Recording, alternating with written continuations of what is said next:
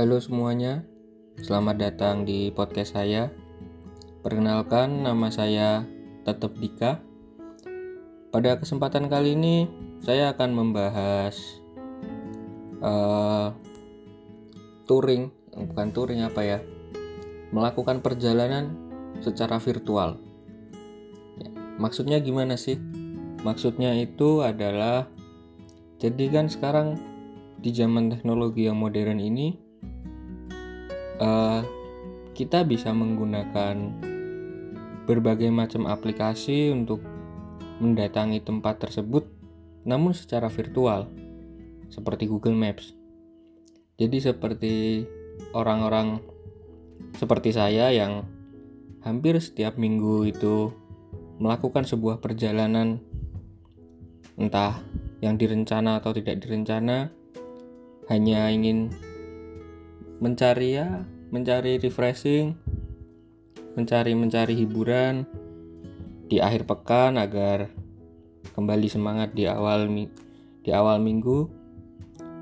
Ketika adanya pandemi ini itu amat sangat berasa sekali tidak bisa keluar rumah karena sesuai instruksi pemerintah di rumah aja jadi saya memiliki trik atau cara yang saya lakukan selama masa pandemi ini.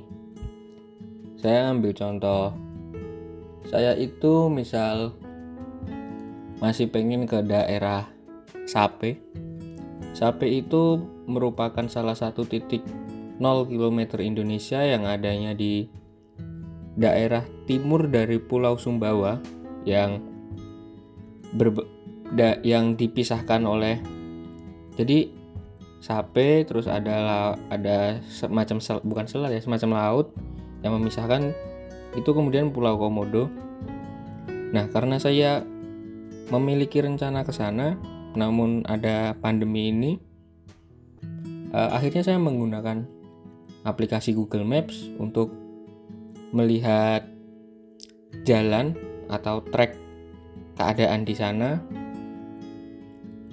Jadi saya itu memasukkan koordinat, kemudian pakai Google Maps yang di view itu yang ada gambar secara nyata, kemudian karena saya saking pengen jalan-jalan juga saya geser-geser geser-geser doang di gambar-gambarnya itu. Nah, kemudian saya juga membaca beberapa artikel orang-orang yang melakukan riding atau perjalanan ke sana sebelum pandemi. Dan mereka juga membagikan apa ya membagikan cara atau tips-tips agar bisa sampai ke sana dari Pulau Jawa. Misal eh, dari Pulau Jawa itu untuk eh, Pulau Sumbawa itu dari Pulau Jawa berjalan ke arah timur itu melewati beberapa pulau seperti Pulau Bali, kemudian Lombok, baru Pulau Sumbawa. Melewati empat pulau. Nah, itu ada ada cara yang bisa kita tempuh seperti menggunakan kapal feri melalui Surabaya. Pilihannya Surabaya itu langsung turun di Pulau Lombok, Lombok Barat, kemudian melanjutkan perjalanan darat dari Lombok Barat ke Lombok Timur. Dari timur itu kemudian nyebrang lagi ke Pulau Sumbawa sampai di Sumbawa sebelah barat, kemudian melakukan perjalanan sekitar 10 sampai 12 jam supaya sampai di kota Sape menggunakan kendaraan motor. Itu sampai kota Sape itu ada titik 0 km Indonesia. Untuk informasi, di Indonesia itu terdapat garis katulistiwa 0 km itu terdapat tiga. Di Pulau Sape terus yang Aceh Sabang itu kemudian di daerah Sulawesi. Nah setelah itu juga ada tips kedua itu bisa dari menyeberang dari Banyuwangi menyeberang ke Pulau Bali sebelah barat kemudian ada pilihan rutenya melalui dari Bali ada Bali Utara atau Bali Selatan kemudian sampai ke Bali Timur kemudian nyebrang lagi sampai Lombok Lombok uh, Barat kemudian sama lagi ada pilihannya mau melalui jalur darat di Lombok itu melalui Lombok Barat atau Lombok Selatan kemudian sampai di Lombok sebelah timur kemudian nyebrang lagi sampai Sumbawa kemudian jalan lagi sampai Sape. Nah, itu kan ada dua opsi jika menggunakan kendaraan bermotor. Akhirnya saya juga merancang-rancang sebuah perjalanan.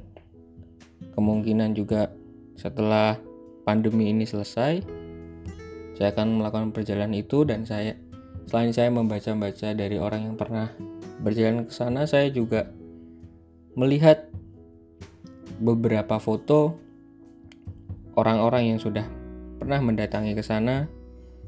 Kemudian di san di Sape itu juga ada beberapa tempat wisata lainnya yang yang kita lewati selama perjalanan Sape. Misal di Bali itu bisa mampir ke Denpasar dulu, ke Ubud dan sekitarnya. Di Lombok itu bisa mampir ke Gili, ke Pulau Gili, Gili Trawangan, Gili Manu sama eh Gili Gili mana Gili Trawangan Gili Air sama Gili Meno. Kemudian bisa ke daerah Sembalun.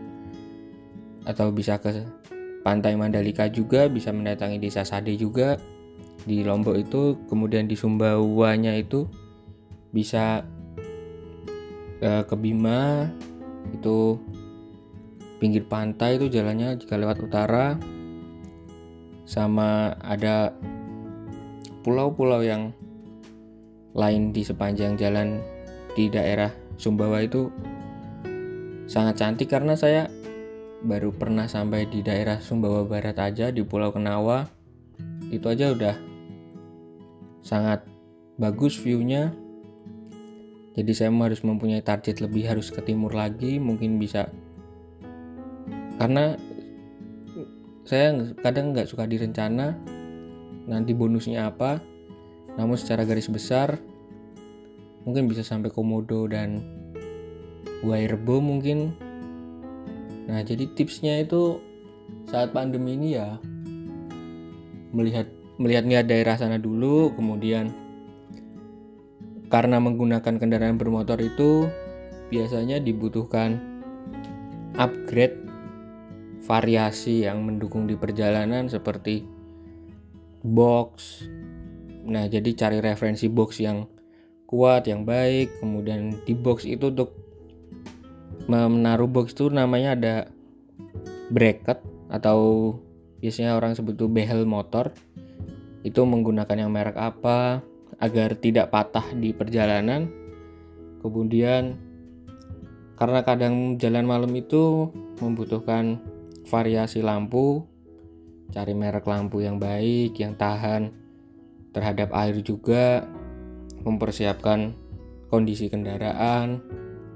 Misal karena motor saya Matic itu saya harus upgrade di bagian CVT nya nah selain hal-hal tersebut yang perlu diperhatikan juga kesiapan fisik. Karena kita di rumah aja waktu saya untuk mengolah fisik saya jadi memiliki waktu yang lebih banyak melakukan olahraga atau lari-lari di sekitar perkarangan kos saya ya yang saya lakukan untuk uh, memuaskan atau merefresh pikiran saya saat pandemi ini seperti itu teman-teman. Jadi tips-tips ya Mungkin bermanfaat agar teman-teman mempunyai pandangan-pandangan yang lain. Oh iya, satu lagi. Saya itu biasanya menonton YouTube. Video-video di YouTube. Video-video di YouTube tuh menarik-menarik tentang perjalanan itu. Jadi saya benar-benar tambah ada gambaran lagi dan semakin bertekad untuk melakukan perjalanan ke Sape di kemudian hari kemudian hari setelah pandemi ini. Terima kasih teman-teman sudah mendengarkan tips and trick uh, piknik virtual atau melakukan perjalanan secara virtual, berkunjung ke tempat-tempat wisata secara virtual. Terima kasih.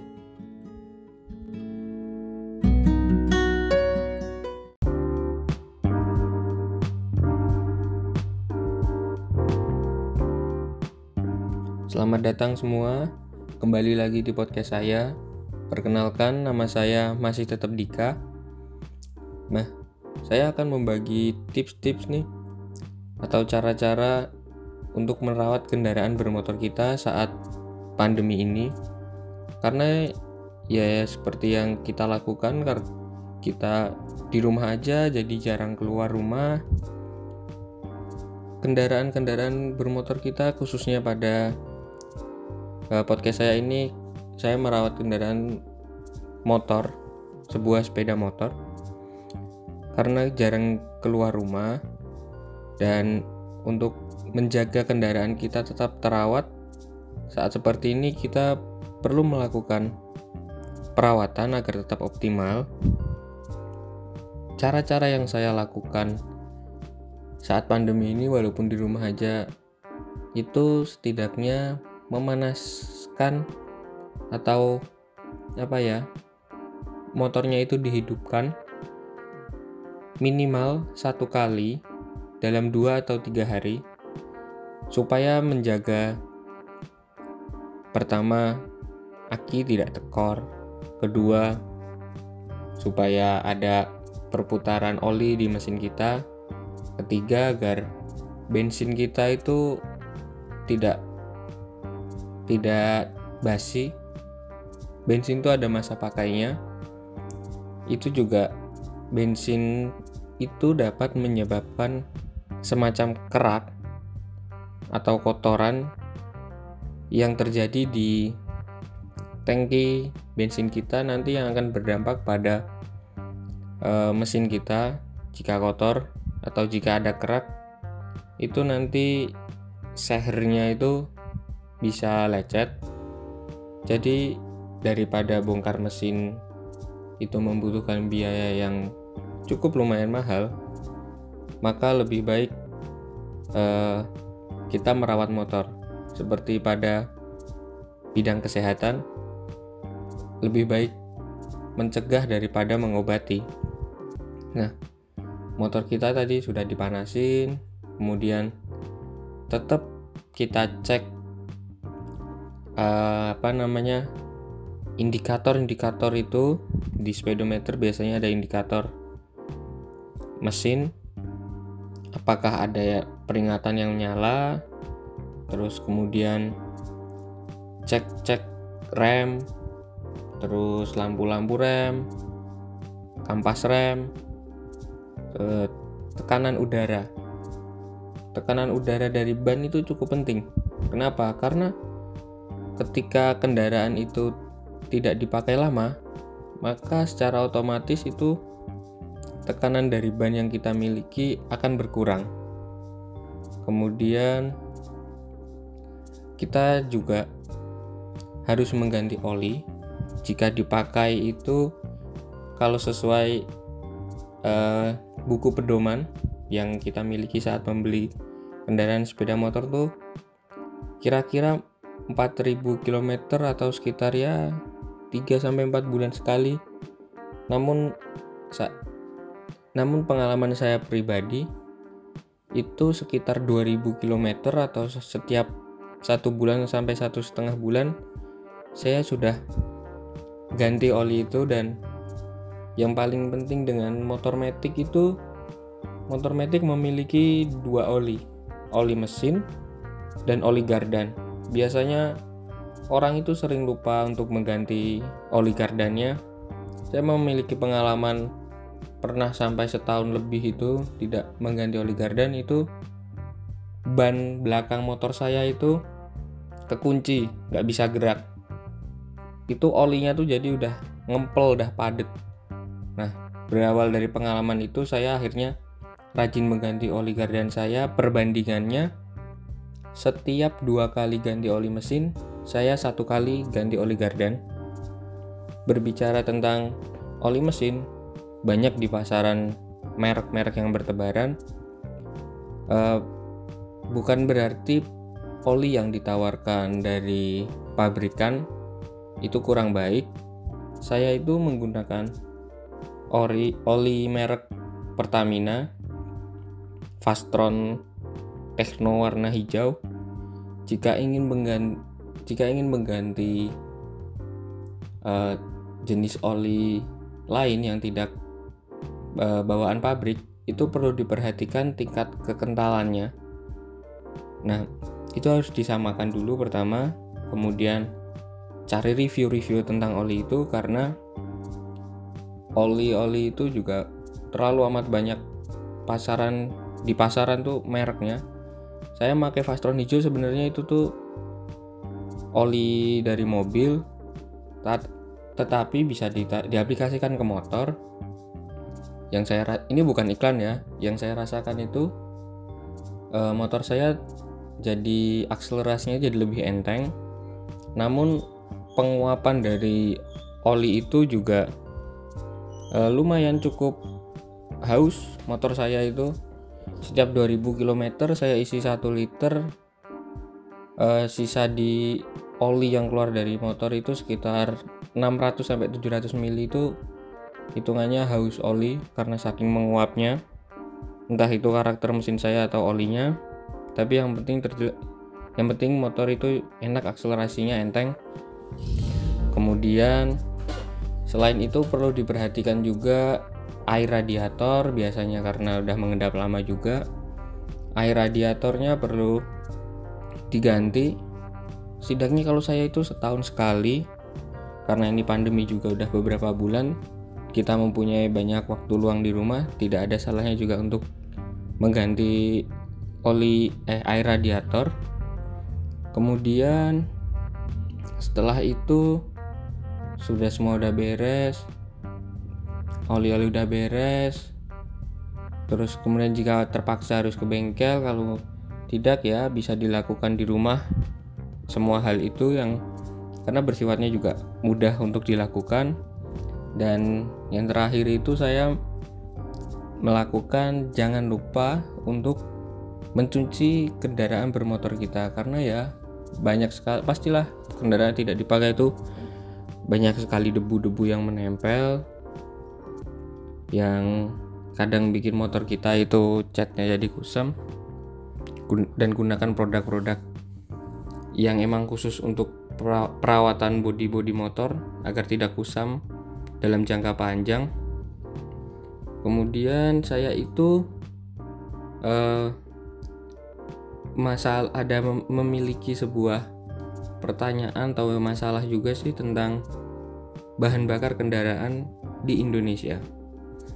Jadi ceritanya tuh gini. Kendaraan kita itu memiliki rasio kom rasio kompresi itu setiap kendaraan itu berbeda-beda.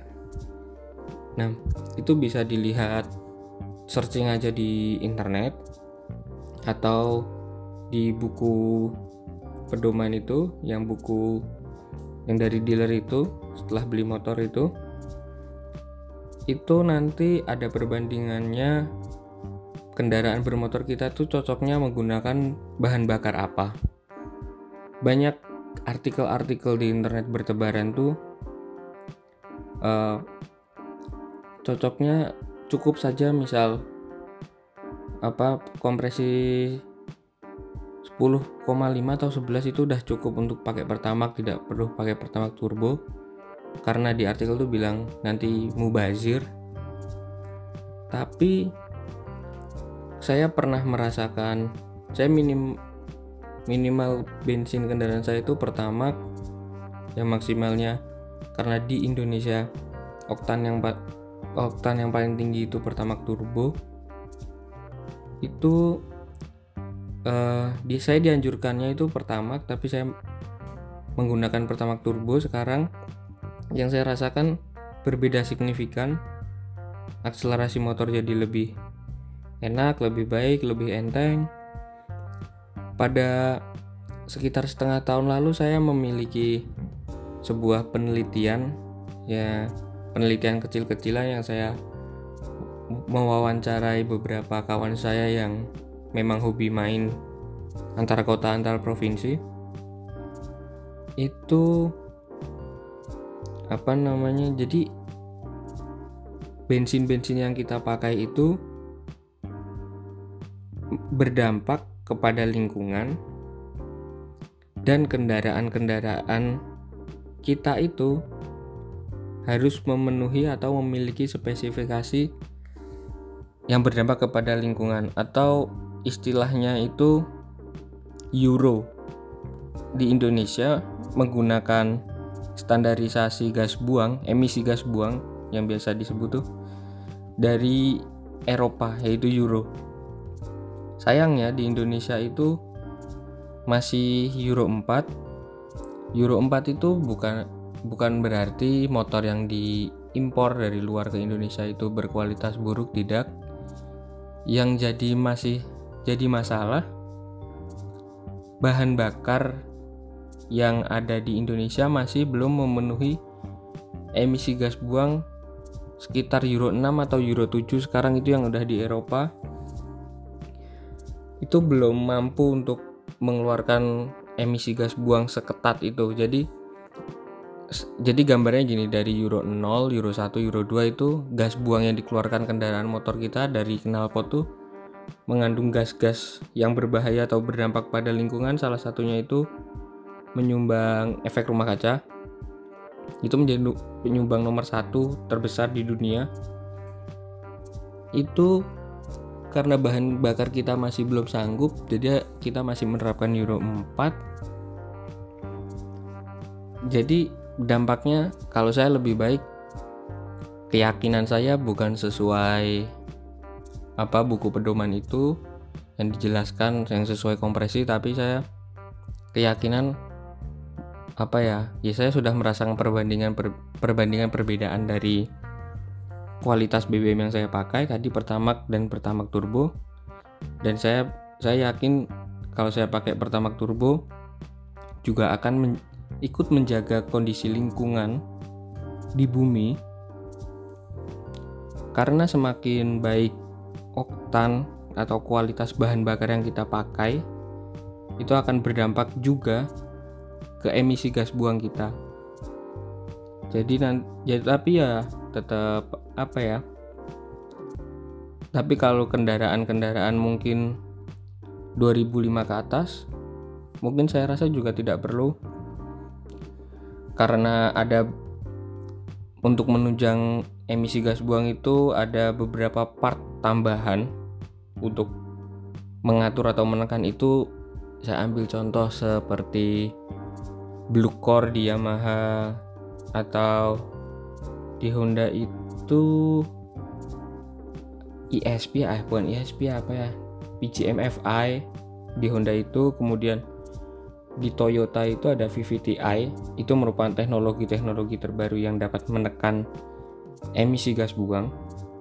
Tapi ya dikembalikan lagi pada pada kalian atau pada pengguna kendaraannya pribadi secara masing-masing ingin menggunakan bahan bakar yang mana? Karena saya rasa semak saya rasa gini saya menggunakan pertama turbo itu lebih hemat e, perbandingan rasio 1 liter bisa sekitar 48 sampai 50 kilo.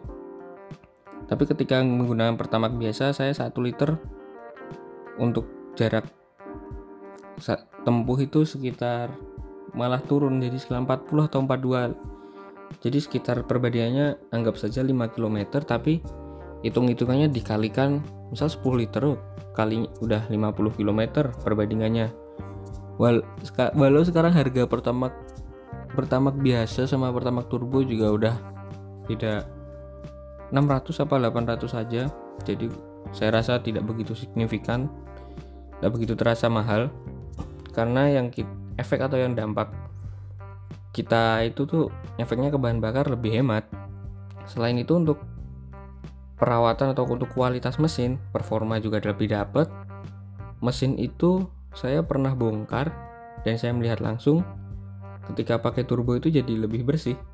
Entah kenapa tapi ya karena itu bahan bakar yang semakin baik berarti mesin itu tidak perlu tidak perlu bekerja ekstra untuk membakar bahan bakar itu di dalam apa kinerja mesin di bureng kopnya itu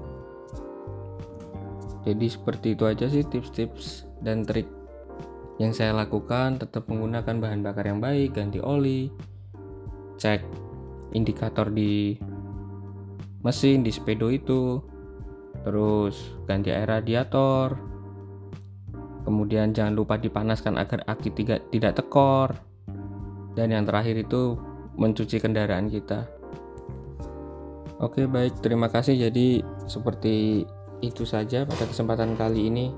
Dadah